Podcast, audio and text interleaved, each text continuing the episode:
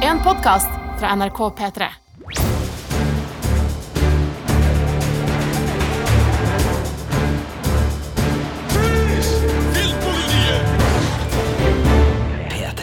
Velkommen til Filmpolitiets serietips med Sigurd og Marte i studio. Vi har eh, i løpet av denne sommeren eh, tatt for oss litt strømmetips fra diverse strømmegiganter der ute. I dag så skal vi ta for oss eh, to foreløpig litt mindre strømmetjenester, Sigurd. Ja, altså når det gjelder uh, penger, så har de det vel ganske ålreit, både Amazon og Apple. Og det er jo to uh, tech-giganter som har kasta seg på 'jeg vil ha egen strømmetjeneste' også, uh, i tillegg til å lage eget innhold, Ja. uh, og, og er jo størrelser der nå. De er kanskje i hvert fall ikke i Norge like utbredt som Netflix, HBO Nordic og Disney Pluss, men det er to som veldig mange har. Amazon har jo holdt på i god stund. I starten så blødde de jo ut mange av sine gode serier til konkurrentene, for de hadde ikke etablert seg som egen strømmetjeneste i Norge. Det vil si at Amazon-serier som Bosch, Transparent, Mozart in the Jungle dukka opp på andre strømmetjenester, men etter at de etablerte seg i Norge, så har de også verna om sine egne storserier. De er Emmy-nominert nå da for beste dramaserie med The Boys, blant annet. Uh, Apple TV Pluss, en litt annen uh, sak. De er vel kanskje mer med i uh, strømmekrigen for å selge Apple-produkter.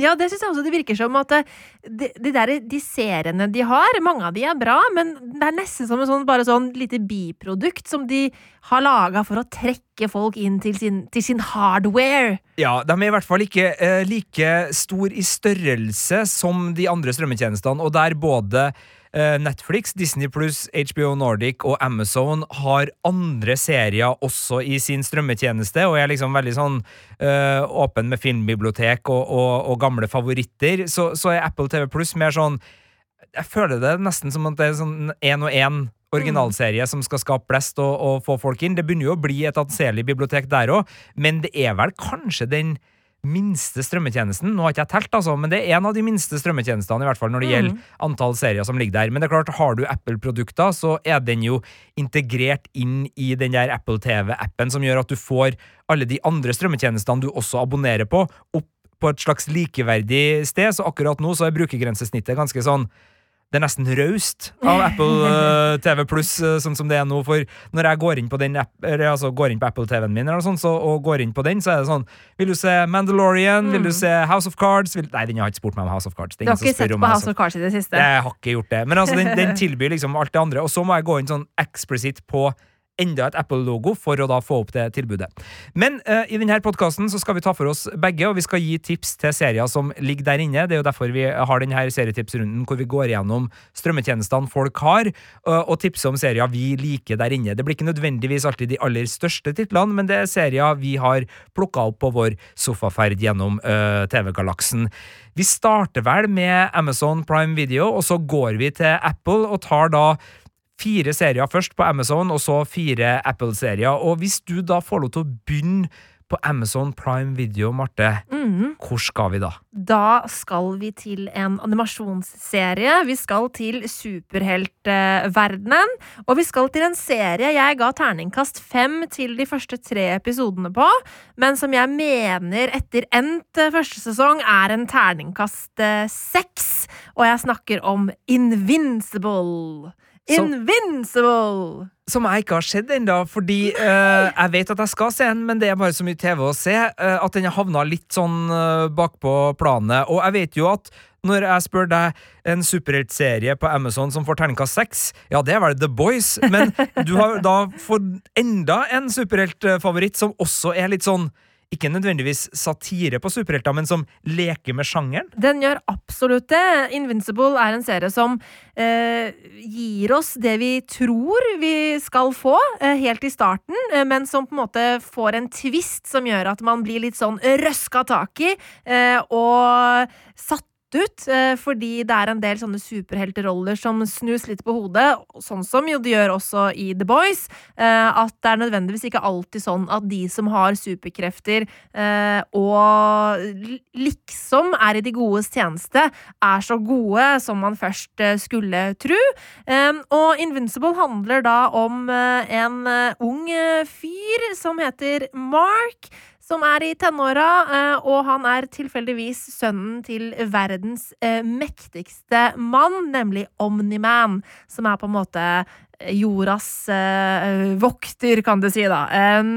Og eh, han begynner å utvikle superheltkrefter, for han har jo kommet til puberteten, og det er jo, sånt, det er jo da man eh, okay. uh, treffer, okay. på, treffer, på, de eh, kreftene, selvfølgelig.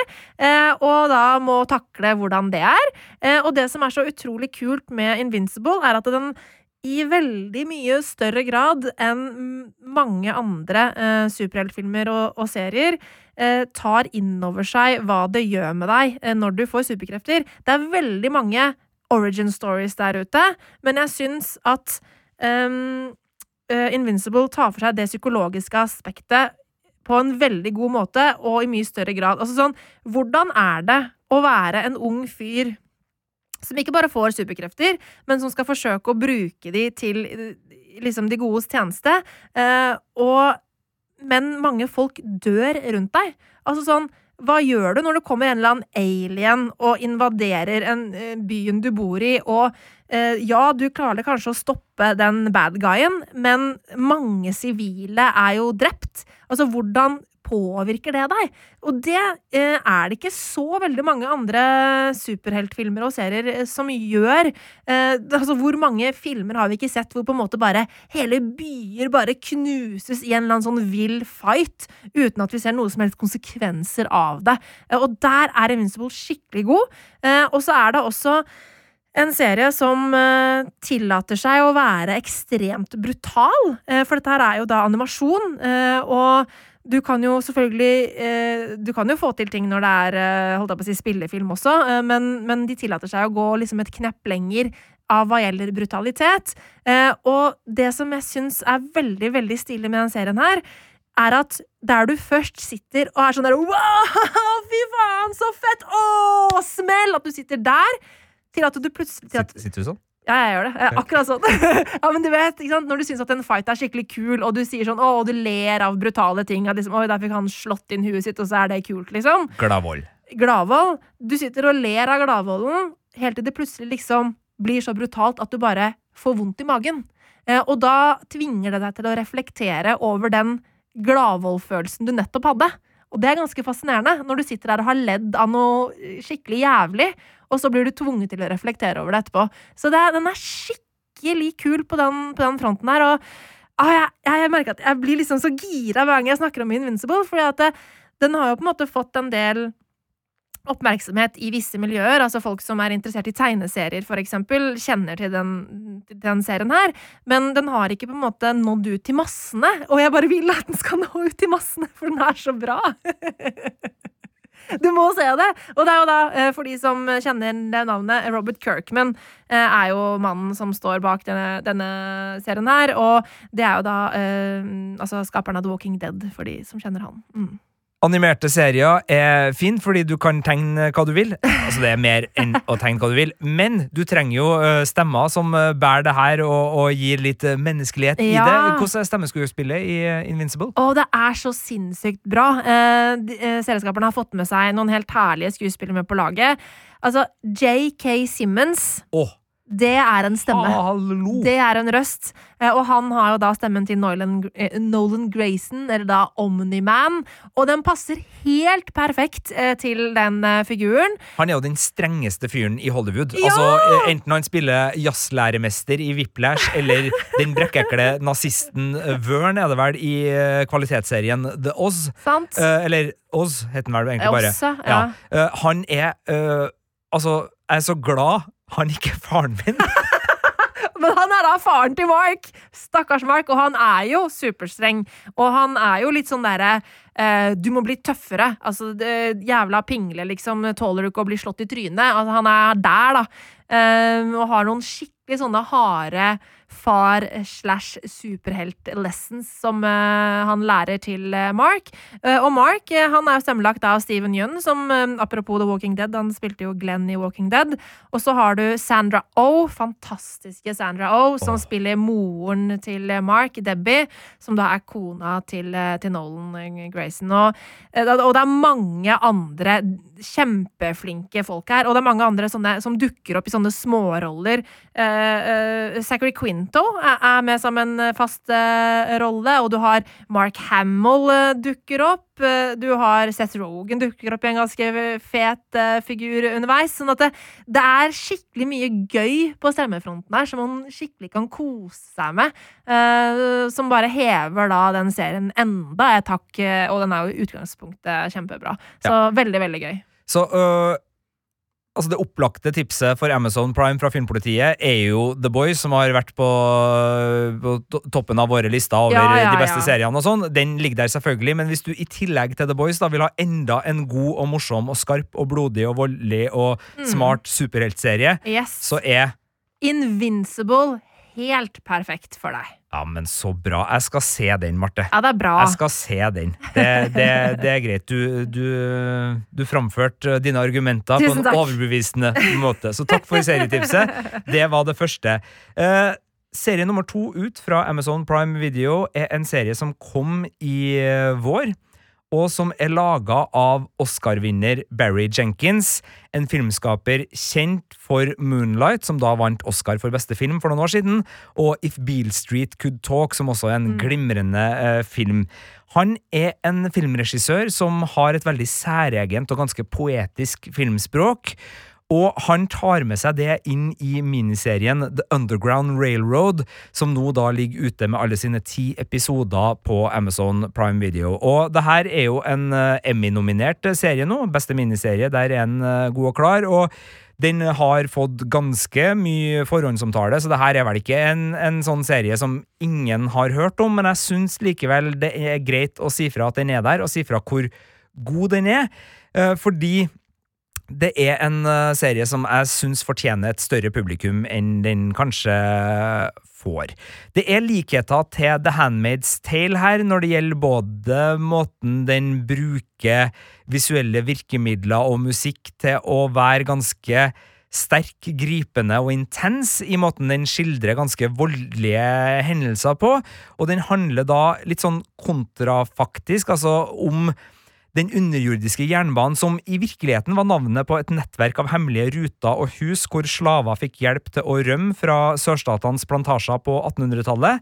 Men i denne oppdikta historien, som da er basert på en Pulitzer-vinnende bok av Colson Whitehead, så har de her rutene blitt til en faktisk underjordisk jernbane. Og vår hovedperson Cora Randall, spilt av Tuso Mbudo, hun bruker da den til å flykte fra lenkene og sitt liv i slaveri mot friheten, og da går jo den jernbanen nordover. Mm. Det som er fascinerende, for hver episode så øh, kommer på en måte Cora nærmere en slags frihet, eller hun kommer i hvert fall bort fra noe som holder hun fanga. Men det er der serien er god, for den har liksom bygd ulike typer helvete i hver stat vi besøker. Så uh, i én stat så er det Så har rasismen fått det utslaget at de øh, innfører ganske sterk prevensjon og prøver på en måte å kjemisk øh, kastrere alle de ikke ønsker at skal føre arten videre.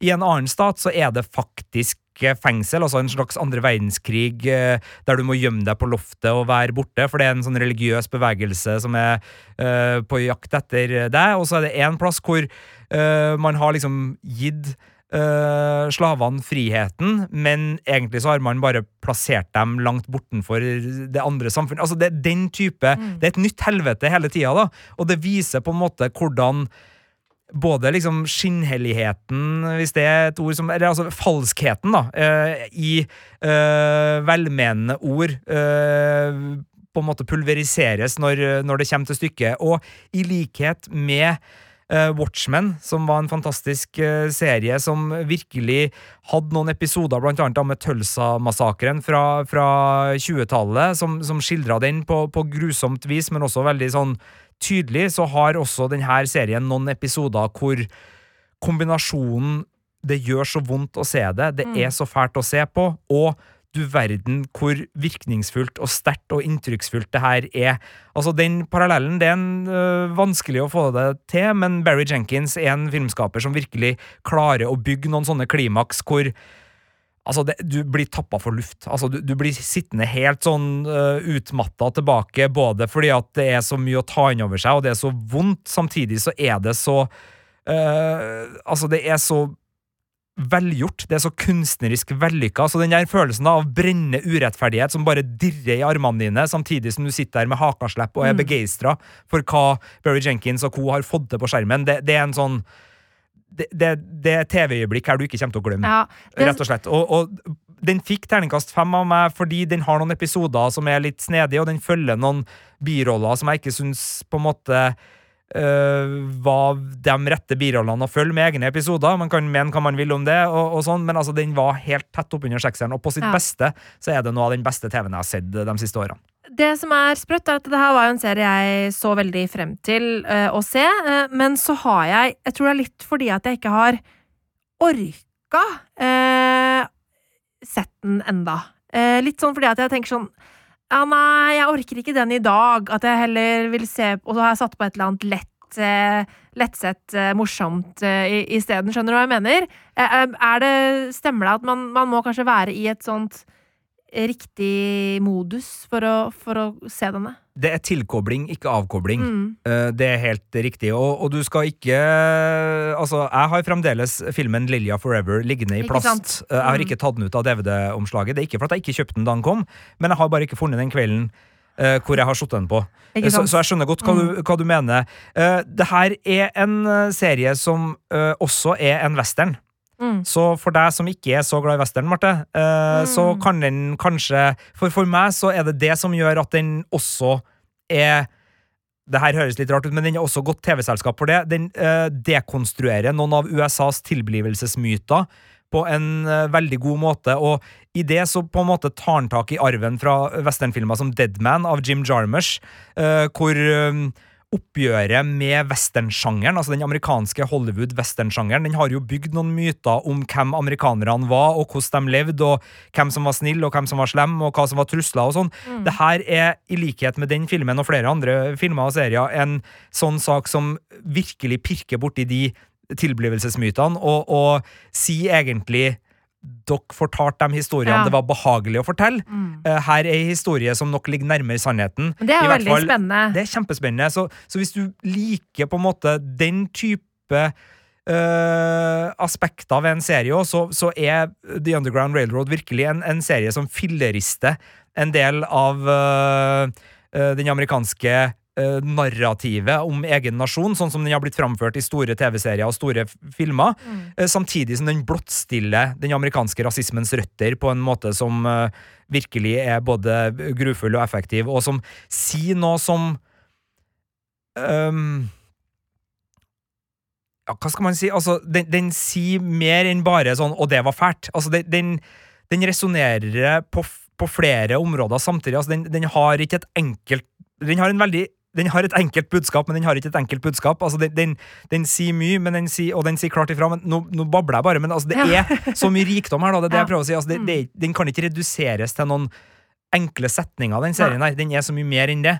Men eh, nei, jeg, jeg håper at jeg ikke babla så mye at folk nå fikk avsmak og, og Nei, det tror jeg tenker at eh, ble- den, den høres tung og, og vanskelig ut. Jeg fikk det motsatte. Jeg fikk sånn 'Nå må du få sett den her, Marte'. Det var det jeg tenkte. Så det, jeg ja, gleder meg uh, til det, samtidig som jeg veit at uh, det kommer til å bli noen heftige følelsesmessige sår uh, oppi der også. Ja, det, det Altså, den Den, den treffer. Ja. Eh, den gjør det. Eh, det. Det er ikke noe eh, måte å si det på. Så den har scener som er direkte opprivende, men Ja. det er på sin plass. og, og dem skal vi tåle, vi som uh, syns at det her er en TV-serie vi skal se. Men det Mm. Absolutt. selvfølgelig jeg skal ikke tvinge på noen TV-serier på, på noen som helst. Men hvis du mener at du er, er innstilt på å se den her, så, så vær forberedt på at det kan bli vondt. Men eh, det, ja, Handmaid's Tale igjen, da. Er, Ja, ja, ja. En, en serie er også- som, som man Men denne her er nok hakket mindre liksom spenningsdramaserie enn Ja. Handmaid's Tale, så, så vær forberedt på at den kan være litt uh, seigere, men den har også et uh, Altså, Cora, hovedpersonen, jaktes jo av en uh, eh, sånn eh, dusørjeger ansatt av eh, eh, han som eh, eier plantasjen hun var slave på, så den har definitivt et sånt westernjaktmønster i seg. Altså, det, det er ikke sånn at her blir du utsatt for eh, kunst som er vanskelig å, å gripe fatt i. Det, det, det er relativt uh, enkel historie som fortelles Nei, Ja, det er, ei spenningshistorie. Ja. i, i, i midten der. Ikke Så sant? The Underground Railroad hvis du har elska Barry Jenkins sine filmer, så vil Mm. du få mye mer av det han gjør aller best i denne uh, filmen. Eh, og hvis du har lyst på en eh, serie som virkelig uh, krever sitt av et publikum, og, og som sagt det er tilkobling mer enn avkobling, så er det her en uh, serie som anbefales på det aller varmeste. Og jeg håper, sjøl om Emmy-runden, hvor den da slåss mot I May Destroy You, Mare of Easttown, The Queen's Gambit og WandaVision Altså, det er en ganske Eh, sterk kan, eh, si, si det en gang til, litt saktere. det er I May Destroy You, Mm. Mare of Easttown, The Queen's Gambit, WandaVision og Mm. The Underground Railroad som slåss om Emmy for beste miniserie. Ja. Det er et sterkt, sterkt heat. Uh, men hvis det går på uh, filmatisk kunstferdighet, så vinner The Underground Railroad.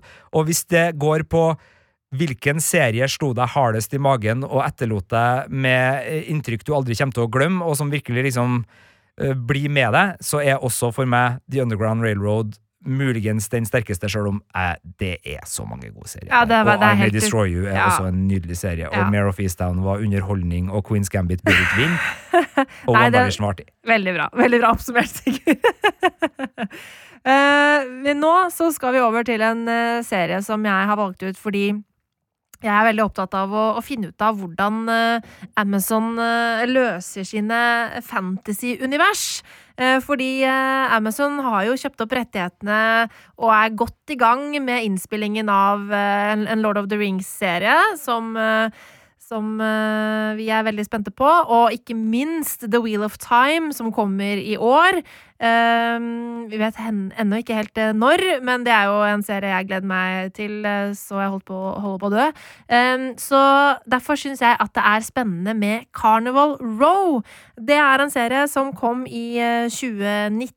Um, eh, som da er et fantasy-univers hvor, som rommer veldig mange forskjellige typer figurer og vesener, og hvor vi da befinner oss i en litt sånn ja, ikke, ja, kanskje litt sånn steampunk-aktig by, eh, hvor vi da befinner oss på Carnival Row, der mange av disse utskuddene eh, bor. Ja. ja.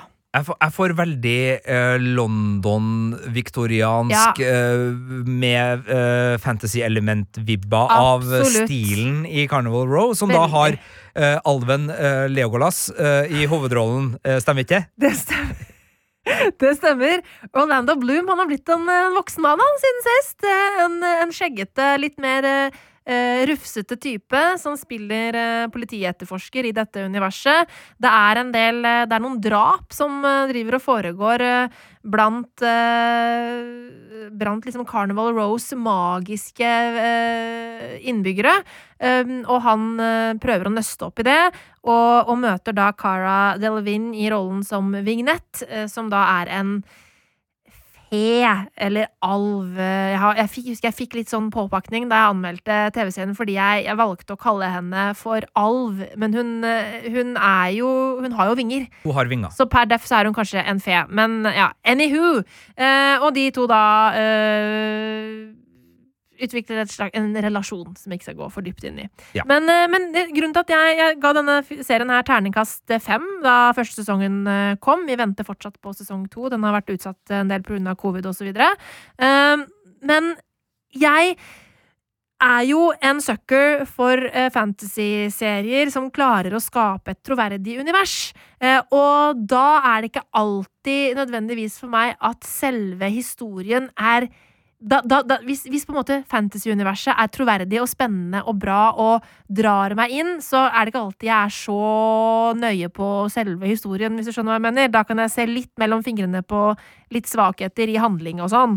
Eh, og Det det, handler vel litt om at der trives du så godt. Ja. Altså Hvis det er uh, forseggjort og, og fint, så er det det er en verden du har lyst til å være i, uavhengig det. om akkurat hvilken historie som fortelles til akkurat det tidspunktet. Akkurat som uh, Ringenes herre-verdenen er en verden Sant. du vil være i, så, så om det nå blir en litt sånn Ja, det var kanskje ikke det aller mest spennende draget, akkurat det der, Nei, så er det allikevel koselig å være der. Ja, for, og det er, så, det er interessant å være der, fordi at jeg digger den sjangermiksen som du får. Altså, det er et, liksom, et lite dryss gotisk eh, skrekk, litt sånn neo-noir, litt sånn folkeeventyr, og uh, mange sånne forskjellige lag da, som denne serien her bygger på.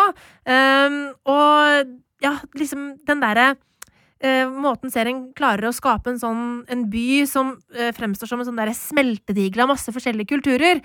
Jeg kan jo gå litt mer inn på hva faktisk handlingen er. Altså for i, dette, I denne verdenen så er vi da i en by som heter The Berg, hvor da Carnival Row befinner seg. og her er det da mennesker som eh, har eh, kjempet mot de ulike nasjoner omkring seg, og på en måte rett og slett undertrykker veldig mange av de magiske vesenene som fins rundt omkring, og overtar landområder og ja, alt som vi har jo da sett eh, Litt som spiller selvfølgelig tilbake på imperialisme og sånne type ting i historien. Eh, og mange vesener har måttet rømme fra hjemlandene sine og sånne type ting. Og, bare, og da, da klare å liksom skape den derre den yrende, det yrende livet som føles ut som et ekte sted, av masse forskjellige vesener og kulturer og alt mulig, det føles så ekte, da, i Carnival Row. Og da er jeg helt med. Eh, og historien er jo god, eh, men det er Det er jo en krim, egentlig. det er en krimhistorie, Ja. og eh, den er kanskje litt simpel, den krimhistorien, eh, men likevel så er det spennende å følge med på. Altså, Hvis du hadde tatt den krimhistoria og putta den inn i et nordisk noir-univers Da hadde jeg blitt sur. Ja, altså sånn, Da hadde det vært en sånn her helt, Helt, OK terningkast tre-fire krimsak. Ja. eh, hvis du hadde liksom fjerna både de magiske elementene da, og, og staffasjen rundt. Men Mm. jeg er enig i at i denne verdenen, hvor det også skjer eh, mer, og det er Mm. bakgrunnshistorier med, med både eh, våre hovedpersoner og, Mm. og flere som liksom gjør dem mer interessante, Ja, så syns jeg også det var en god etableringssesong, men jeg trenger nok at sesong to blir bedre Ja. for at Carnival Row virkelig skal være en av de fantasy-seriene jeg eh, nevner som liksom sånn Det er skikkelig gode fantasy-serier. ja. Den har uh, produksjonsverdier som gjør at den legger seg i en posisjon hvor den kan bli det. For det her er det ingenting som liksom ramler gjennom. Det er ikke som et par av de Netflix uh, fantasy-seriene hvor det har vært liksom bare på hvordan ting ser ut. Så har det liksom vært sånn Sett Å ja, ut. dere bare dreit i det, ja. Mm. Ja, ja. Uh, eller det er heller ikke en CGI-fest som uh, svir i øynene. Så, så jeg, jeg er helt enig med at jeg liker den, men, men jeg, du likte den hakket bedre enn Ja. meg. Men jeg òg vil anbefale den. Mm. Sjøl om jeg syns den var litt uh, Litt kjedeligere enn det du Ja, gjorde. Eh, men jeg, jeg kjøper veldig det hovedargumentet ditt med at det her er en helstøpt verden hvor man faktisk Litt sånn som His Dark Materials òg, klart. Mm. eh, de har skapt en verden hvor du må liksom følge med litt i starten for å få med hvilke regler som gjelder her, og hvem som er hvem, og hva som er hva. Mm. Men når du gjør det, så har du liksom danna deg et grunnlag og en verdensforståelse som gjør at det er eh, koselig å være der. Det er akkurat det. Og det er ikke, det er ikke alltid nødvendig koselig i, det, Nei, nei, i, i dette uh, verdenen, da, men det er et, det er et føles som et ekte sted. Eh, og, og også, så er jo også Orlando Bloom er veldig god, er god. eh, i, i rollen som da Filo, eller Philo som han heter. Og Nærmer eh, eh, Pirates of the Caribbean eh, Orlando enn Ringenes herre eh, Orlando. Og kan jo bare snakke ett sekund om hvor lik en litt eldre Orlando Bloom er en litt yngre Luke Evans. Ja, det er sjukt. Altså, de er jo samme person. Det, det er nifst. Det er helt sinnssykt, liksom. Ja. Eh, for hvis den, hvis den serien her hadde vært laga litt tidligere, så hadde det vært Luke Evans som hadde spilt eh, rollen, liksom. Altså, det kunne vært. Og det er jo snedig i Hobbiten at de ikke liksom på sett en dag bare skifta kostyme og, og lata som at Bard og Legolas eh, Altså De er så like! De burde jo egentlig fått seg en sånn spin-off-serie mellom Hobbiten og Ringenes herre, hvor de Nei, det skal vi ikke ha. Ja. Men det er som du sier, eh, jeg, jeg, jeg er enig med deg i at vi er avhengig av at sesong to eh, skal være bedre. Og eh, vi skraper på en måte egentlig litt sånn bare i overflaten eh, i sesong én, men det er, ting etableres, eh, og det er kjempebra, eh, så jeg er skikkelig spent på fortsettelsen. Jeg vet ikke helt når sesong to kommer, men den er på vei. Så absolutt eh, verdt en titt. Carnival Row, altså. Um, og så er det jo Det gjør at jeg puster litt lettere når jeg ser bare sånn produksjons production value på Carnival Row. De har putta penger i det. Amazon har penger. Sånn rent sånn utseendemessig og skuespillermessig, mest sannsynligvis, så kommer The Wheel of Time og Lord of the Rings-serien til, til, å levere. Og så får vi bare håpe at den leverer på, på, på manusfronten også. vi gjør det. Og, og jeg, jeg syns også både The Boys og, og Carnival Row ja, ja, ja. lover godt for uh, de to store uh, fantasy-satsingene som Amazon holder på med. Uh, jeg merker at du, når det gjelder Amazon-originaler, går for Eh, ganske sånn uh, store underholdningssjangere, ja. mens jeg uh, trekker meg inn i mitt mest sånn uh, kunstneriske alibi Sånn, se på disse seriene jeg ser på. litt sånn jålete smak på Amazon. Fordi jeg starta jo med The Underground Railroad, og nå skal jeg til uh, Undone, som er en animert serieperle fra folka bak Bojack Horseman, som er en av de aller beste seriene som går på Netflix. Anbefalte ikke den i Netflix-spesialen vår, men uh, herved er Bojack Horseman absolutt anbefalt. Men det er da en animert serie som er uh, laga av Hisko Hølsing, som også laga en nydelig Nirvana-dokumentar. Eller det er ikke en Nirvana-dokumentar, men en animert Kurt Cobain-dokumentar som het Montage of Heck, som gikk på kino for en del år tilbake. Som var skikkelig, skikkelig god. Og så er det da Bob Odenkirk, altså kjent fra Breaking Bad og Soul, uh, Better Call Saul, og Rosa Salazar, som er kjent som Alita i Alita Battle Angel, som spiller hovedrollene. Men det er jo en animert serie, så de er jo egentlig stemmer men det er også en serie som benytter seg av teknikken rotoskopering, så det er filma scener som har blitt til en animasjonsserie.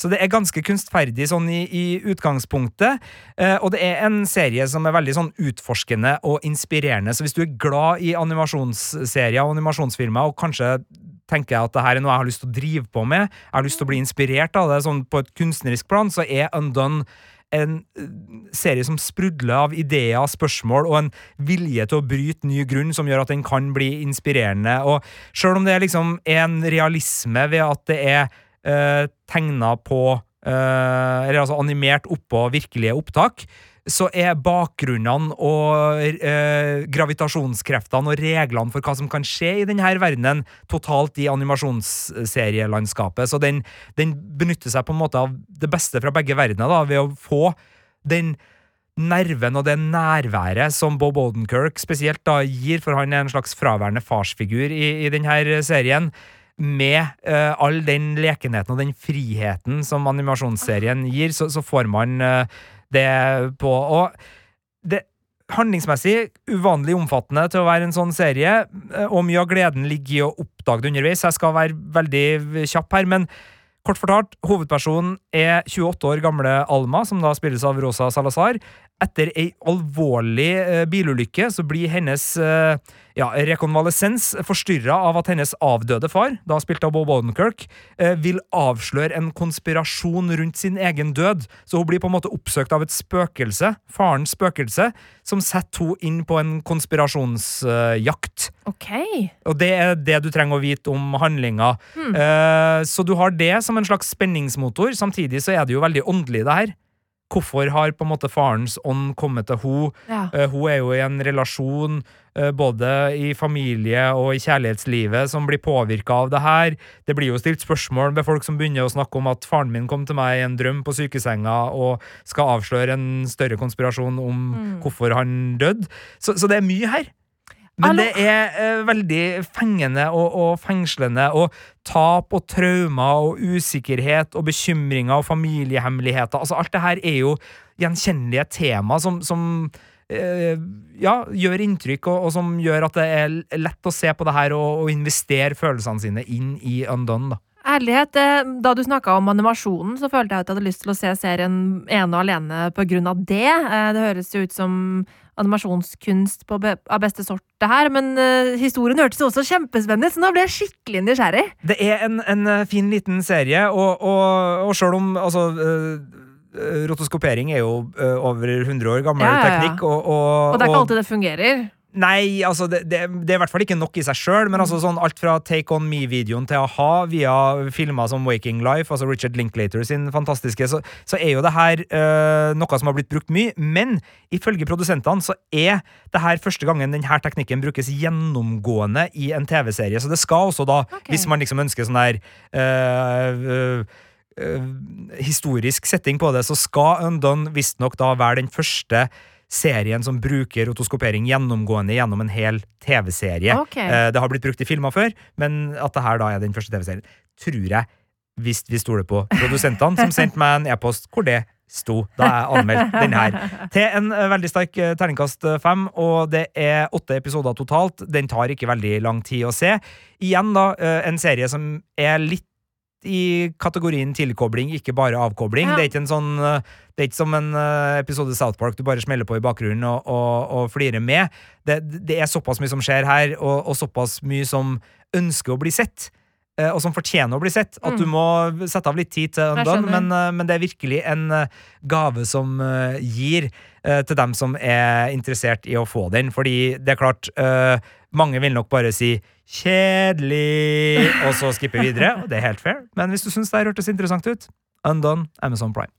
Og så må vi jo bare si vi anbefaler selvfølgelig The Boys, Fleabag, uh, altså eh, Ja. Marvelous Mrs. Maisel Ja. Eh, det, altså, Det er så mye bra serier på det er sykt masse bra serier på, på Amazon Prime Video, så eh, vi har bare trukket frem eh, noen få få her nå. Hunters med Al Pacino, Ja, nazijegerserie. ja, ja, den er kul. Altså, det er Altså, Amazon, det De bra, driver, de driver og bygger, driver og bygger for fremtiden. Ja. Ja. Så, øh, og i tillegg så har de masse sånne øh, små sci-fi-serier som øh, Solos var siste trinn ut på den. De har masse. Og Tales from the Loop, kjempefin øh, liten sak. Uh, Update er det vel en som heter, som også liksom foregår et digitalt etterliv. Så det er mye sånn der sci-fi sn Snål sci-fi. Ja, ja, ja. Og Mye snål sci-fi. det er mye snål sci-fi, og så må jeg bare si, eh, for jeg kan ikke snakke om Amazon Prime Video uten å si det, The Expanse. Hvis du er glad i sci-fi, se den. De to innledende sesongene er litt uh, treige, men det blir dritbra, folkens, så bare heng med. Okay, Da fikk jeg sagt det òg, og da, da er det greit. Da kan vi uh, rett og slett uh, si oss ferdig med Amazon Prime Video-tipsene for denne gangen.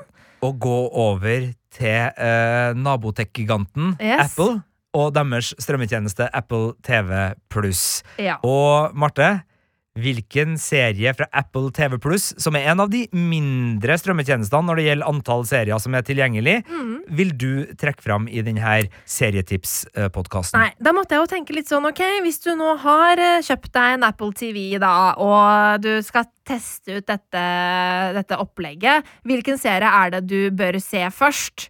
Eh, og da har jeg rett og slett tenkt, det er The Morning Show. Eh, ingen, eh, ingen tvil om det. Eh, og eh, altså, i, i podkasten hvor vi kommer med anbefalinger fra HBO Nordic, så anbefalte jo jeg serien The Newsroom. Og The Morning Show er en serie som virkelig er inspirert av The Newsroom. Fordi det her handler jo da om en, eh, en, en Altså et nyhetsprogram eh, eh, og en nyhetskanal. eh, hvor da vi følger morgenshowet, eh, hvor da Jennifer Aniston sin eh, rollefigur eh, Alex Livy eh, er den ene hosten. Eh, og da eh, godeste Steve Carell har da rollen som Mitch Kessler. Um, han har kommet i et slags eh, hva skal jeg si metoo-uføre. Han har blitt busta på at eh, han har ikke vært en eh, veldig kul fyr mot de andre kvinnelige ansatte i dette morgenprogrammet. Og det kommer frem og opp i dagen, og denne kanalen tar grep, fordi at de vil jo ikke lose face, og gir han sparken. Og skal da få inn en ny eh, reporter, og, og det er ikke nødvendigvis sånn at Alex Levy, som eh, er i 40-åra, eller hva det er hun er i serien, uh, syns er så kult når det kommer uh, unge, nye kvinnelige fjes uh, og skal konkurrere med henne. Er det fjeset Reece Witherspoon? Det fjeset er Reece Witherspoon, ja. ja. for jeg har ikke sett The Morning Show ennå. Men jeg har jo fått med meg at det var tre store stjerner på plakaten da den ble lansert, som mm. den mhm. store liksom Her kommer Apple TV Pluss, ny strømmetjeneste, og vi kommer med The Morning Show, som da uh, på, uh, bare i etableringa der, som du sier, kolliderer Friends og The Office, to ja, ja, ja. av USAs mest folkekjære komedier, i uh, hovedpersongalleriet. Og Uh, ja, det, det, er jo sterkt. Og når du da i tillegg kaster Reece Witherspoon inn i den miksen, så har du jo en trio der som uh, Ja, det, det, oser jo uh, star power, altså stjernekvalitet, ja, ja, av det her. jeg har jo skjønt på deg og på ja, jeg mener jo huske at da vi hadde Silje Nordnes, vår kjære kollega, på besøk i denne serietipspodkasten, så trakk vel hun også fram The Morning Show som en serie hun anbefalte. Mm, ja. Men hvorfor er det her en serie dere anbefaler, og hva er det som er så bra med denne journalistiske seriegodbiten? Altså, eh, der har du jo dette har vi snakket om mange ganger tidligere i Filmpolitiet, men som journalister så syns man jo ofte det er gøy med ting som handler om journalister. Såpass egosentriske må jo få lov til å være. Helt riktig. så det er jo gøy i seg selv. Eh, og så er det jo et, eh, et såpete drama inni her som er spennende og artig å følge med på.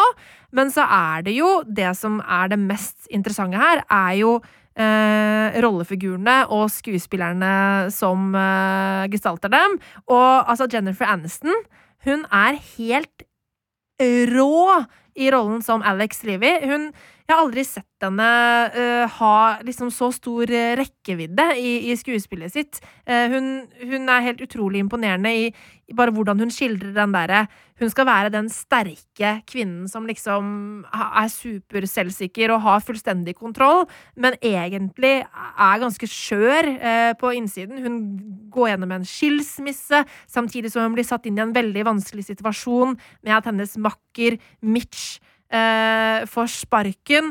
Og det er masse sånn der greier med på en måte hvem var det som visste, ikke visste. Har vi tillatt at eh, at eh, Mitch har fått lov til å holde på som han vil?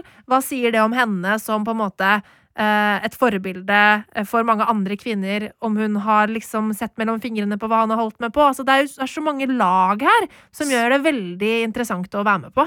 Spoila du at Mitch får sparken nå? Det er skjer i første episode. Det er premisset ja. for The Morning Show. Så min uh, inngang å se en Steve Carell-serie uh, Han er, er, med, da! Han er med! det er veldig bra. Han er sur uh, hjemme på hjemmekontoret sitt. ja, det er gjenkjennelig. vel å merke ikke av de samme årsakene til at han nødvendigvis er det.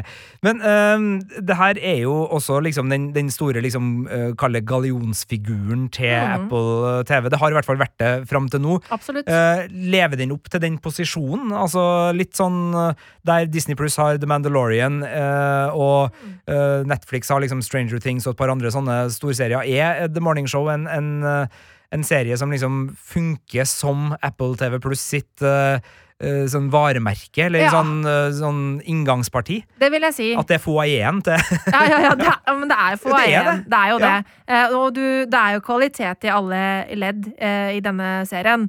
Um, både på hvordan ting ser ut, og på skuespillerfronten og alt mulig sånt. Den, den er jo en litt glossy såpeserie også inni her, eh, men ikke for mye. Eh, men den er akkurat liksom passe såpete til at det, blir en underholdningsserie enn en sånt liksom Uh, dypt nyhetsdrama, liksom, hvis du skjønner hva jeg mener. Uh, men den, den er kjempeunderholdende.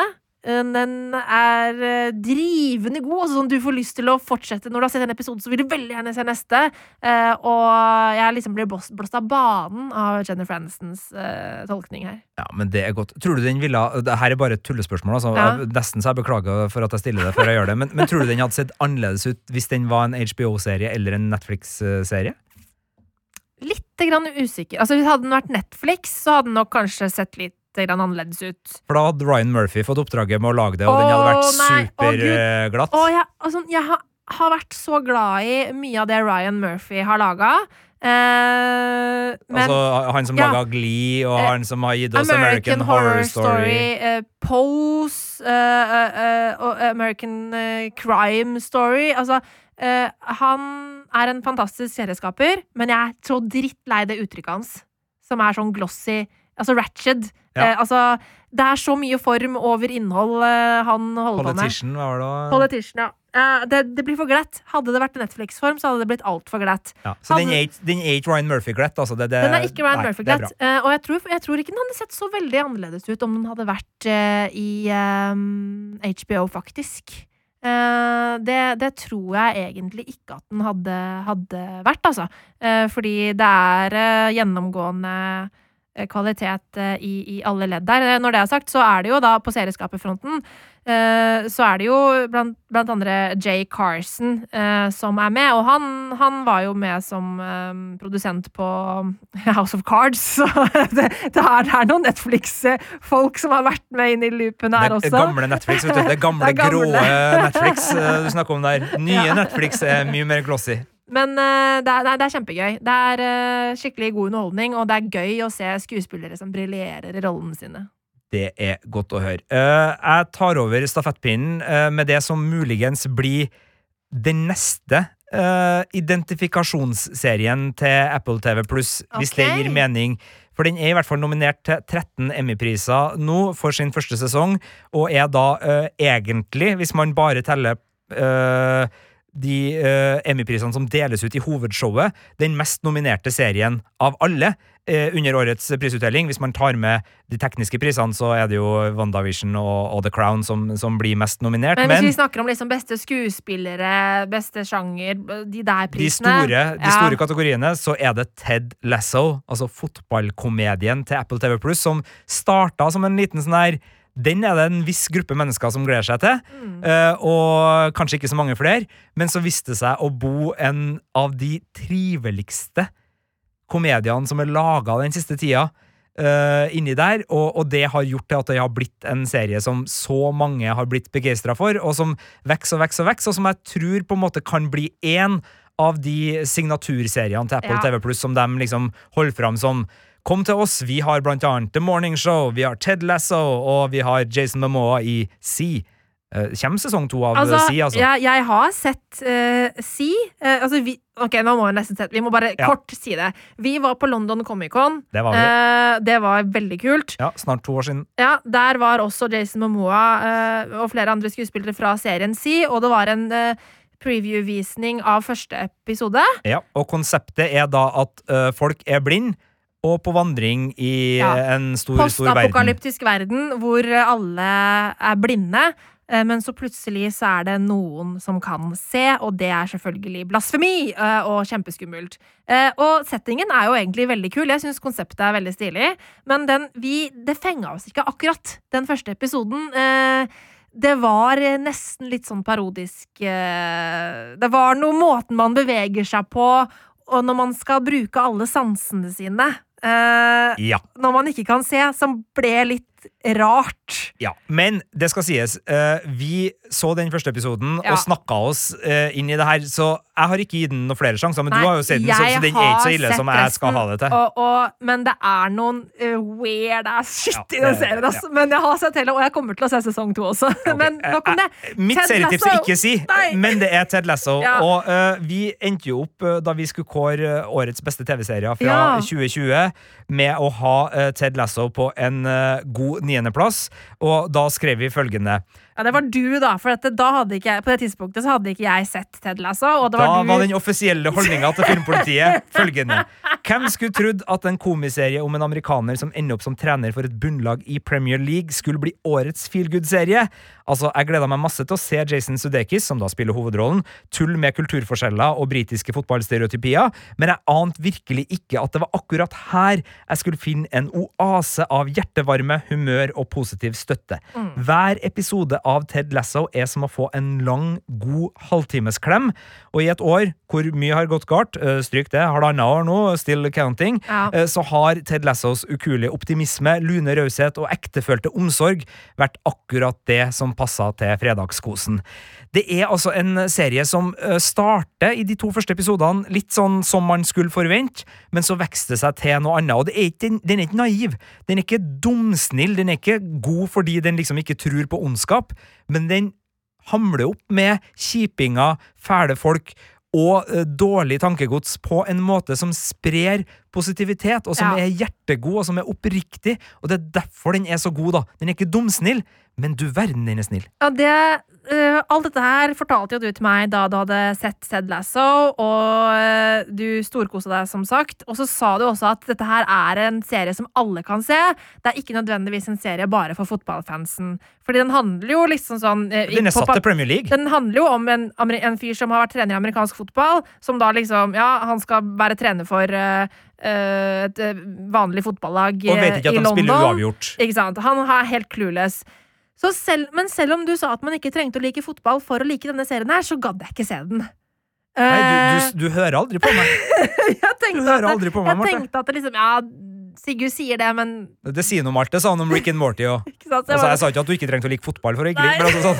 Ja, sånn, ja ja, det, jeg får se den etter hvert, liksom. Så jeg har ikke sett den. Men her for litt siden så Altså, eh, Mannen min Vegard han har jo på en måte vært veldig sånn Kan ikke du se Ted Lasso, du kommer til å digge den? Kan ikke du se. Ted Lasso, du kommer til å digge den? Så her forleden så bare satt han på første episode av Ted Lasso eh, mens jeg var på stua.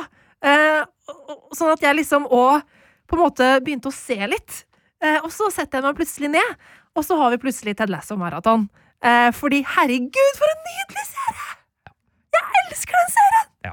Det er altså så mye hjertevarme og herlige rollefigurer. Oh my god! Jeg, jeg gleder meg så mye til å se uh, sesong to. Altså, denne podkasten her slippes jo etter sesong to har begynt å gå. Eh, men eh, når den spilles inn, for det er pga. sommerferie og sånn, vi spiller inn før Altså, sesong to begynner i morgen. Og jeg er så gira på å få sett det! Det Altså, uavhengig av om sesong to blir god eller ikke, jeg, jeg tror jo det, men altså, den første sesongen her er uansett en Helt nydelig. Ja. Det er helt Eh, nydelig. og uh, uten at vi skal spoile hvordan det går med verken fotballen eller med Ted eh, eller med uh, seriens handling, så se opp for en dartkamp som kommer til å Ja, jeg ble rørt, jeg. Ja, ja, Jeg, var, jeg merker ja, jeg ble litt rørt nå, når jeg bare skulle altså, sånn, Jeg måtte stoppe. Ja, ja, jeg, jeg grein. Det Eh, er en skikkelig eh, godbit i den godbiten som allerede er godbiten Ted Lesso. Man blir så glad i rollefigurene. Eh, det her er helt nydelig. Du trenger virkelig ikke bry deg om fotball for å elske Ted Lasso.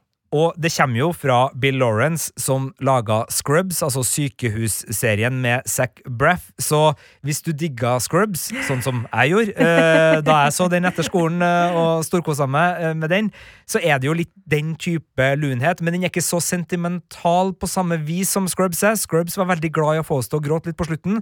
Ja, Det er ikke at Ted Lasso ikke vil at vi skal gråte, men vi skal ikke gråte av det samme. Altså, Vi skal ikke sippe over folk som dør i sykehussenga og eh, sånne ting. Det er, en, det er mer rørende på en positiv måte enn en trist måte. ja men så syns jeg òg at Nå er det riktignok veldig lenge siden jeg så Scrubs sist, men jeg syns at Ted Lasso virker mye mer det er mye mer ektefølt Ja. enn Scrubs. Scrubs er mer, har mer den derre brunch eh, Det er ganske mye vitsete sånn der type greie.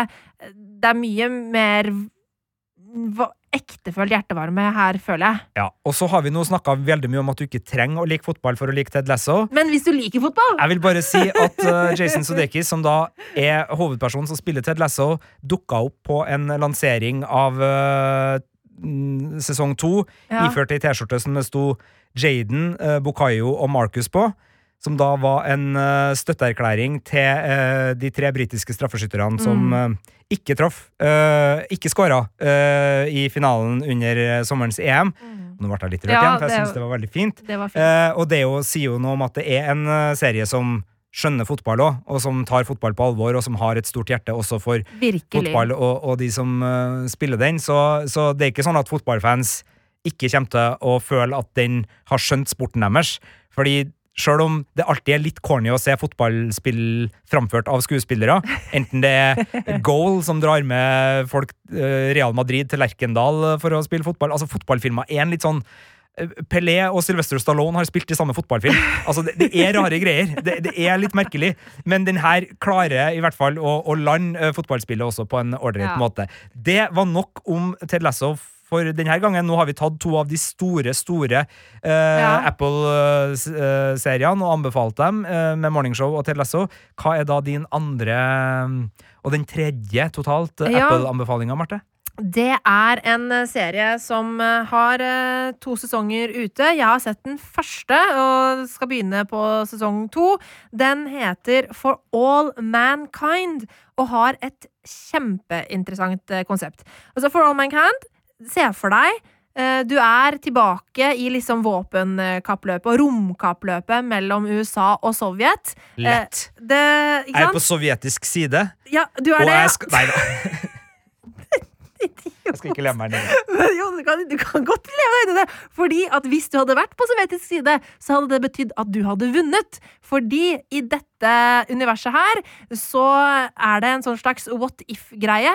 Hva hadde skjedd hvis det var russerne, eller da sovjeterne, som kom først til månen? Hvis uh, ja, uh, Am, uh, Armstrong og Buzz Aldrin og, og co. ikke klarte å komme seg til månen, hva hadde skjedd da? Og liksom det hadde vært Alexei Lenov, eller hva han heter, som, som trådde først på månen. Hvordan hadde verden sett ut da? Hvordan hadde amerikansk romfart sett ut da? Um, og det her, i denne serien så følger vi da en gjeng med fiktive astronauter. Eh, du får møte mange av de faktiske astronautene eh, som levde på denne tida, men eh, de som på en måte er hovedrollene, de er fiktive. Og det er jo da Joel Kinnaman som spiller Edward Baldwin, og Michael Dorman som spiller Gordo Stevens, som er hovedrollene her. Um, og det her bare er et sånt kjempespennende univers. Altså, sånn tidskoloritten er liksom helt on point. Jeg tror at hvis du er sånn NASA-nerd som elsker liksom alt med romfart å gjøre, så er det så mange godbiter her som du kan virkelig kose deg med av ting bare eh, på det tekniske eh, og på det som på en måte er eh, korrekt fakta, og så leker man seg eh, innenfor det, ikke sant? Fordi at når man på en måte da eh, tar den settingen med what if, så kan du endre på hvordan historien egentlig så ut, eh, og ting går i en helt annen retning. Så det er en, en og så er det jo da selvfølgelig oppi dette en dramaserie, da, eh, som da dreier seg mye rundt familiene til disse astronautene og sånn, sånn som vi jo gjerne gjerne ser eh, i, eh, i denne typen eh, filmer og serier. Eh, men det som jeg syns er veldig kult, er at eh, i denne serien her så er det òg en god del eh, fokus på dette da eh, Project Mercury, eh, som da handla om å på en måte gjøre eh, Altså disse testene som astronautene måtte gjennom før de ble liksom godkjent for, eh, for romfart. Um, og i, sett med dagens øyne så er det litt sånn gøy, fordi um, nå var det i Altså i Altså, nå som denne podkasten spilles inn, eh, det er hvor mange dager etter en viss, eh, viss eh, Amazon-sjef skjøt seg selv opp i verdensrommet? Et par dager? Ja. Og han hadde med seg en, en dame som som heter Mary Wallace Funk, eller aka Wally Funk. Og hun eh, var med da på denne oppkjøpningen til Bezos nå. Uh, og hun er en av de som på en måte virkelig liksom grusa mennene i Mercury-prosjektet, og klarte å uh, ja, ta disse testene som de mannlige astronautene måtte gjennom, og bare liksom slo dem så himla ned i støvlene. Men hun fikk likevel ikke være med ut i rommet. Før nå, liksom. Hvor hun nå er da den eldste personen som har vært eh, i, i rommet. Um, og i For eh, All Mankind så Uh, følger vi dette Mercury-prosjektet og alle disse kvinnene som også var involvert i det. Uh, og der møter vi ikke nødvendigvis uh, Wally Funk, men vi møter eh, andre kvinner som også var en del av det, og også kvinner som da er basert på disse kvinnene. For eksempel eh, en um, rollefigur som Sonja Valger spiller, Molly Cobb, som da er basert på Geraldine M. Cobb. Uh, og eh, hun uh, var jo da en kandidat for dette prosjektet på 60-tallet, Um, og uh, klarte å komme seg gjennom alle disse testene, men fikk heller ikke dra i rommet på, på, på den tida. Sånn at så ser vi jo da på hva som skjer når når mannfolka ikke kan klare jobben eh, i, De kommer seg ikke først til månen. Eh, det, kanskje de må ha litt flere å ta av? Kanskje de må se litt på flere talenter i denne fiktive historien, da, ikke sant? Og så skal man se hvordan det går når kvinnene også får lov til å være med på moroa, kan du si, da. Sånn at det her er sånn kjempeinteressant tankeeksperiment. Jeg tror det er veldig kult for eh, folk som er nerds på romfart. Um, for da kan du sitte og liksom vite hvordan det egentlig var, uh, og så se hvordan det liksom tok turen uh, i denne serien. Så det er skikkelig stilig serie som, som, jeg virkelig anbefaler. Jeg har som sagt bare sett den første sesongen, uh, men jeg har ikke begynt på sesong to enda, men den skal jeg kose meg med utover sommeren. Og det er jo det litt deilige når vi sitter og snakker om Apple TV Pluss-serier. Uh, fordi når vi snakker om uh, de andre strømmetjenestene som har vært der i god stund, og man snakker om originalseriene deres, så kan det liksom sånn Og det er sju sesonger av Bosch. Ja. og så ser jeg vel liksom Marte bare synke ned i stolen. Ja, sånn, jeg kommer aldri til å ha tida til å se sju sesonger av Bosch. Du snakker ikke sånn, Marte. Unnskyld. Men uh, Apple TV Pluss er jo såpass ferskt at ja. i hvert fall enn så lenge mm. så er det sånn og hvor mange sesonger er det? Og så sitter man og gruer seg litt til at noen mm. sier åtte. Nei, det er bare én eller to. Ja. Den, har, altså, den, er så ny at uh, det, det, kommer en andre sesong av The Morning Show. Det kommer en andre sesong av Ted Lasso, som muligens allerede er, Ja, den er jo godt i gang da, når podkasten kommer ut. Mm. Uh, det kommer en andre sesong av Sea, uh, og det har kommet en andre sesong av For All Mankind. Men det er liksom Det er ikke større enn det. Så det er liksom overkommelig ja. når vi snakker om Apple TV. Og uten at vi skal reklamere for strømmetjenesten noe mer enn at vi tar behandler den på lik linje med alle andre strømmetjenester, det er jo mange som har denne strømmetjenesten fordi Apple har drevet og kjørt en sånn der du får med et års gratis bruk av strømmetjenesten hvis du kjøper et Apple-produkt. Jeg er litt mm. usikker på akkurat hva det er der, men det går jo an å sjekke da om du tilfeldigvis faktisk har Apple TV Pluss, sjøl om ja. du ikke vet om det. Ikke sant? Uh, fordi uh, veldig mange som har jo eh, kjøpt et eller annet Apple-produkt og, og, har muligens da fått det med seg. Så det kan også være en mulighet, hvis de kjører det tilbudet ennå. Det vet jeg ikke, så jeg Nei. beklager hvis jeg nå bygger opp forventninger som ikke blir, blir møtt. Men eh, det er selvfølgelig en strømtjeneste som har en månedspris, men mange har også fått en, en introduksjonsdeal da, på ja. den her som gjør at de kan sjekke ut noen serier muligens relativt eh, kostnadsfritt. Og så kan vi jo ta det også med en gang. Det er ikke sånn at du må ha Apple-produkter for å, å, å kunne uh, se dette her heller. Uh, de har du, kan, du finner Apple TV Pluss på internett på desktop, liksom, og ja. du kan uh, betale på vanlig vis og, og, se, og se, det der. Ja. Sånn at du, du, får, du, får, sett det selv om du ikke har en Apple TV. Det er viktig å presisere. Veldig viktig å presisere, og veldig riktig og, og viktig. Så da, da, vet man det. Og så har vi da én Apple TV Pluss-serie igjen i denne serietips-anbefalingsrunden. Uh, og det er en uh, serie som jeg har storkosa meg med, som er uh, relativt uh, nerdete, som kommer fra en gjeng som også har gitt oss serien It's Always Sunny in Philadelphia, som jeg tror nå er den lengstlevende live action-komedien som har gått på amerikansk fjernsyn, i hvert fall innenfor en eller annen kategori, for den har drevet og Actionkomedie? Live action, altså. live action. ja. Nei, det er ikke en actionkomedie. Uh, men det, den er i gang med sin altså Det er den 15. sesongen som, ja. som har tippa den uh, over der, uh, uten at jeg vet helt hvem, hvordan det der telles. Men i hvert fall Mythic Quest. Mythic. Mythic Quest. Mythic Quest, Mythic Quest Ravens Banquet, som den første sesongen da heter, er en komiserie eh, lagt til et spillutviklerselskap i USA, som da følger dem idet de lanserer en gigantisk extension på et på sitt store dataspill, ja. uh, Mythic Quest. Uh, og uh, det er jo et kontor fullt med typete typer. en del fæle folk, en del fine folk, og stort sett alltid imellom. Og det er en arbeidsplasskomedie som Eh, er både fiffig, fordi den bruker jo da selvfølgelig Mythic Quest-grafikken til å illustrere litt eh, temperament og følelser, og hva folk egentlig kanskje på innsida har lyst til å gjøre med andre mennesker. Eh, og den tar også i bruk liksom det miljøskildringene rundt spillutvikling og denne type spill, som uten at jeg har spilt mye World of Warcraft, Marte Henstad, men vil du være enig i å si at det er et slags sånn Ja, det er en sånn type spill, Det er ja. et sånn type spill. spill. MMORPG, ja. Uh, og det jo, fører jo til at enkelte episoder er veldig sånn inne i spillet, mens Mm. andre episoder er helt utafor spillet. Og de gjør litt navn, eh, narr av uh, gamerkultur og youtubere som begynner å bli yngre og yngre, og Ja. målgruppetallene og sånn. Vi må ha yngre og yngre spillere, vi må nå yngre og yngre. Til, til slutt så går det jo uh, over alle støvleskaft.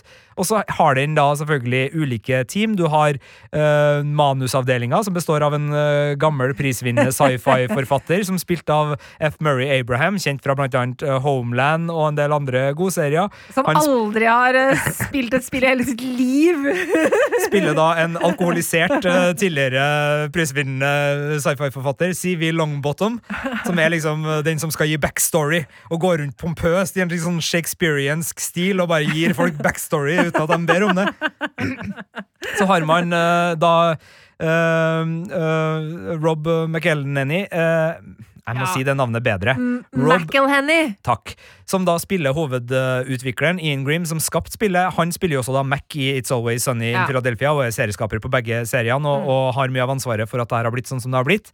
Uh, det er uh, Poppy Lee, som da er koderen, ho altså hovedutviklerkoderen, som spilles av Charlotte uh, Nickdao. Eh, og så har du da uh, Danny uh, Pewdie, som spiller Brad, som er også da en rollefigur som er ganske lik den rollefiguren Danny Pewdie hadde i Community. Yes. Så den drar liksom litt arven fra Community også videre. Sier ikke at Abed, rollefiguren fra Community, er like kynisk rasshøl som det han spiller i Mythic Quest, men det er noe, noe litt sånn snarlikt over de to rollefigurene, som også gjør at han får spille på sine styrker.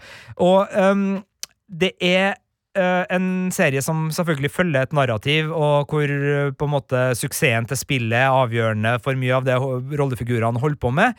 Men det er også en metaserie som uh, leker seg med både historiefortelling i seg sjøl, og hvorfor historiefortelling er viktig. Og den har i hver sesong, det er to sesonger her òg, så har den én episode som ikke egentlig har noe med resten av handlingen Eller jo, det er ikke helt riktig. I, i, sesong én så har han en episode som kan ses helt frittstående, og som har noe med serien å gjøre, men som likevel er en helt separat historie. Og i sesong to så har han en episode som egentlig står for seg sjøl, men som blir veldig viktig for den påfølgende episoden, så der henger det litt mer sammen. Men begge de to tilbake i ti episodene er noe av det aller beste TV-greiene jeg har sett. Altså, det er i eh, sesong én eh, en episode som eh, eh, handler om utviklinga av et dataspill på 90-tallet, som også er den vakreste kjærlighetshistoria jeg har sett på TV på lenge. Oi. Kjempefin.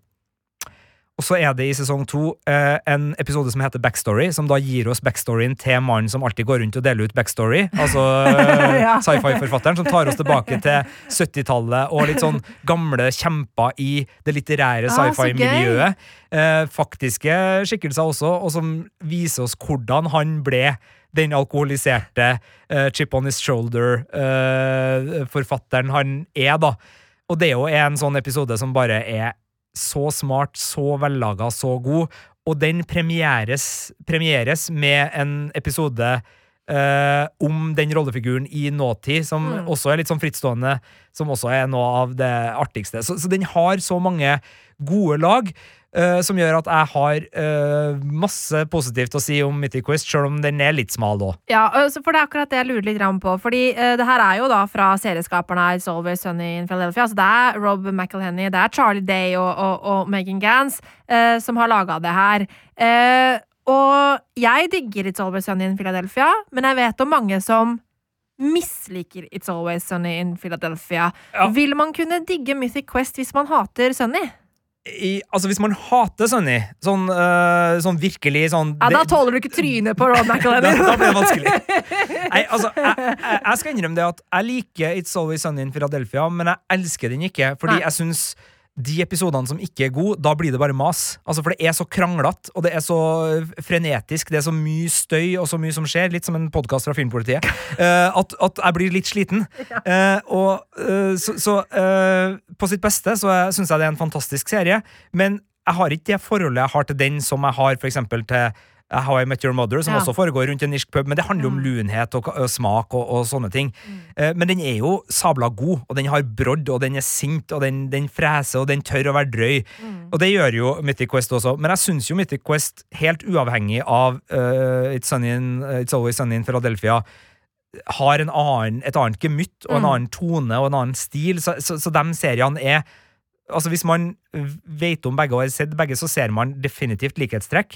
Men eh, jeg tror nok, og det har jeg også lest intervju med, med skaperen Altså, Det er en helt annen skriveprosess uh, bak uh, Mythic Quest. Altså, It's Always Sunny in Philadelphia er skrevet av folk som er enige om hvordan verden er. Ja. Altså, det er, Den kommer fra et veldig sånn der uh, Det er nesten som et band. Altså, det er den samla energien og det opprørskraften som ligger i It's, Sunny and It's Always Sunny.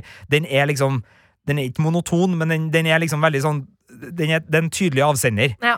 Det er det ikke i Mythic Quest, og det jobba de veldig med. Og at det her skulle liksom være en serie som skulle ha så mange ulike stemmer på det skriverommet at det skulle ikke gå an å på en måte trumfe gjennom sin uh, sin humorstil uten at den også hadde andre Og det, det syns jeg den serien bærer litt preg av. At det er det er alltid noen som har en uh, Som kan stikke noe i sida på, på sidemannen.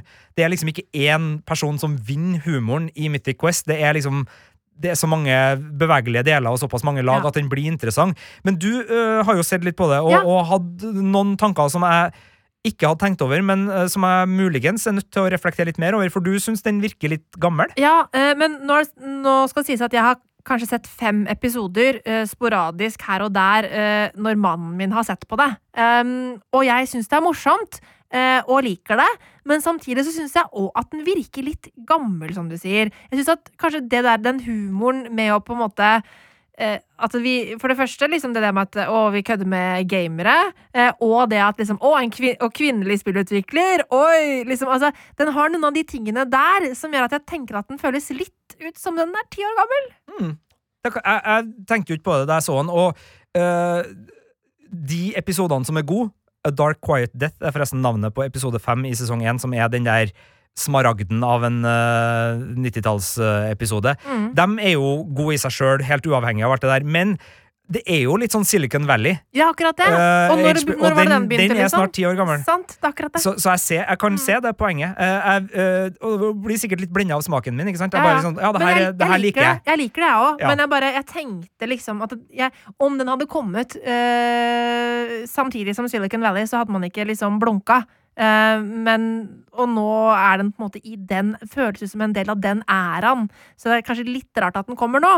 Eh, men jeg koser meg i det, og jeg, og jeg kommer til å Uh, se den her fra start. Uh, for nå har jeg jo bare sett uh, sporadiske episoder, som sagt. Så, men det er absolutt en serie jeg kommer til å faktisk sette meg ned og se på. Men jeg merker det du Altså, den, den kommentaren Stakk til det? Ja, litt sånn som eh, du ser gammel ut. Altså sånn, den, den, den er sånn Den er umulig å forsvare seg mot. Og, og den er liksom også litt sånn der Hva faen? Men det er sikkert sant. Uh, fordi det, det, det, det, gir mening, altså. Det gir mening, men det er litt sånn Men det er ikke, Jeg jeg den, det er ikke nødvendigvis feil. Det er bare det at det, den har en du, sånn du ser trøtt ut. Altså, det, det, er det er sånne ting som gjør deg veldig sånn Shit. Å nei, Oi. Her er, liksom, har jeg blindflekker som gjør at jeg ikke liksom ser at det der egentlig er en utdatert serie? Shit. Eh, og det, det, det vet man jo aldri Men, med seg men sjøl. nå har jo jeg jeg du sett alt, og jeg har ikke sett alt, så du må huske på det òg. Det, det, det kan hende at eh, når jeg ser eh, alle episodene, at det kommer et ekstra lag her som jeg ikke har med meg nå, ikke sant? Uh, Og, og du har spilt uh, tre år sammenhengende i World of Warcraft. Jeg har ikke gjort det. Uh, så, så mm. vi har jo også litt sånn ulik Altså Det kan jo hende at jeg syns noe av humoren er artig fordi jeg ikke tar alle lagene. Eh, det kan hende at jeg går glipp av en del humor. Det kan også hende at jeg syns eh, det å flire av gamere er artigere enn uh, deg. Det, det, Det er det det handler om. Jeg blir sur når folk eh, gjør narr av gamere. Er Nei da. Det, men, men, det, men det i hvert fall som kan sies om Mythic Quest, er at den har øh, øh, veldig mange ulike øh, ting på gang samtidig. Altså Ja. Det er ikke en enkel, endimensjonal nå er det liksom, altså den, den følger jo sitcom-greia med at det er én eller to eller tre konflikter i hver episode. Men den har liksom sånne overgå... Altså Blant annet hun som jobber på HR, uh, altså hun som er verneombud eh, for dem her. Uh, det er en sånn run, running gag eh, på at eh, de bare har helt misforstått hvorfor hun er der. Og det samme med en, eh, hun som jobber med eh, eh, eh, public service Altså Ja, public relations, eh, ja. hun som jobber på det eh, ta imot kommentarer Ja. og, og aggresjon fra eh, hun er en meget religiøs dame som er veldig blid, og som stort sett eh, er omringa av bannskap og klager og dritt, men hold hodet oppe. Ja, og alt det her er jo morsomt. Det Eh, er så mye artig der. jeg kosa meg med det og skal se resten. Eh, Så ikke, ikke la det der ti år gamle perspektivet eh, avskrekke deg, hvis du syns at det her hørtes artig ut. Men, det, men det er sånne kommentarer som kan sende, sende Så folk Du, du sendte seriesmaken min rett i kjelleren nå. Takk, Marte. Takk skal du ha for å liksom bare Her har jeg liksom bygd den opp sakte. Jobba på Cinemateket, begynt på filmvitenskap, studert, sett masse. Liksom Fått positiv tilbakemelding, sett mer. Fått mer positiv Nei da, det er ikke sant noe av det her. Uh, og det er bra å få jenka den jævla seriesmaken sin litt. Det har jeg Ja, bare nei, godt av. men det er ikke dårlig, det er bare litt gammelt. Dere hørte først på Filmpolitiets podkast, og Mythic Quest er da en av de seriene som halve redaksjonen syns er ålreit på Apple TV Pluss. og um, vi hadde også uh, tips fra Amazon Prime Video. Ja, ja, ja, to uh, gode strømmetjenester, begge to. Uh, ja, vi Ja. kommer tilbake med Er det Viaplay og Paramount Pluss som Det- skal tas i neste episode? Stemmer vel, ja. Det stemmer, ja. Der er det Mhm. også en del serier, altså. Det er ganske mange godbiter ute og går der også. Og jeg vil bare si Mythic Quest er et serietips. Ikke hør på Martin Stenstad! Ah, nei, jeg skal ikke si det. Du har rett, søren. Ti år Nei, gammel. men den er, den, jeg har jo sagt den er morsom! Men det bare, bare. Ja, den kunne vært, kunne vært Silicon Valley, og der tar eh, Sigurd av seg headsetet, så det betyr at denne podkasten er ferdig for denne gang. Du store alpakka! Før så samla vi oss for å høre på radioen. Nå lytter vi på hva vi vil, når vi vil, og mest for oss sjøl. Vi lytter for å fylle ventetid, bli underholdt, oppdatert og litt klokere. Vi lytter for å la oss bevege av sterke historier. Eller bare av musikk. Så selv om mye har forandra seg, er det viktigste som før. Podkast og radio samler oss. For selv om vi nå lytter mest for oss sjøl, er vi aldri aleine når vi hører på. NRK Radio vi hører sammen. Hør podkaster og din NRK-kanal i appen NRK Radio.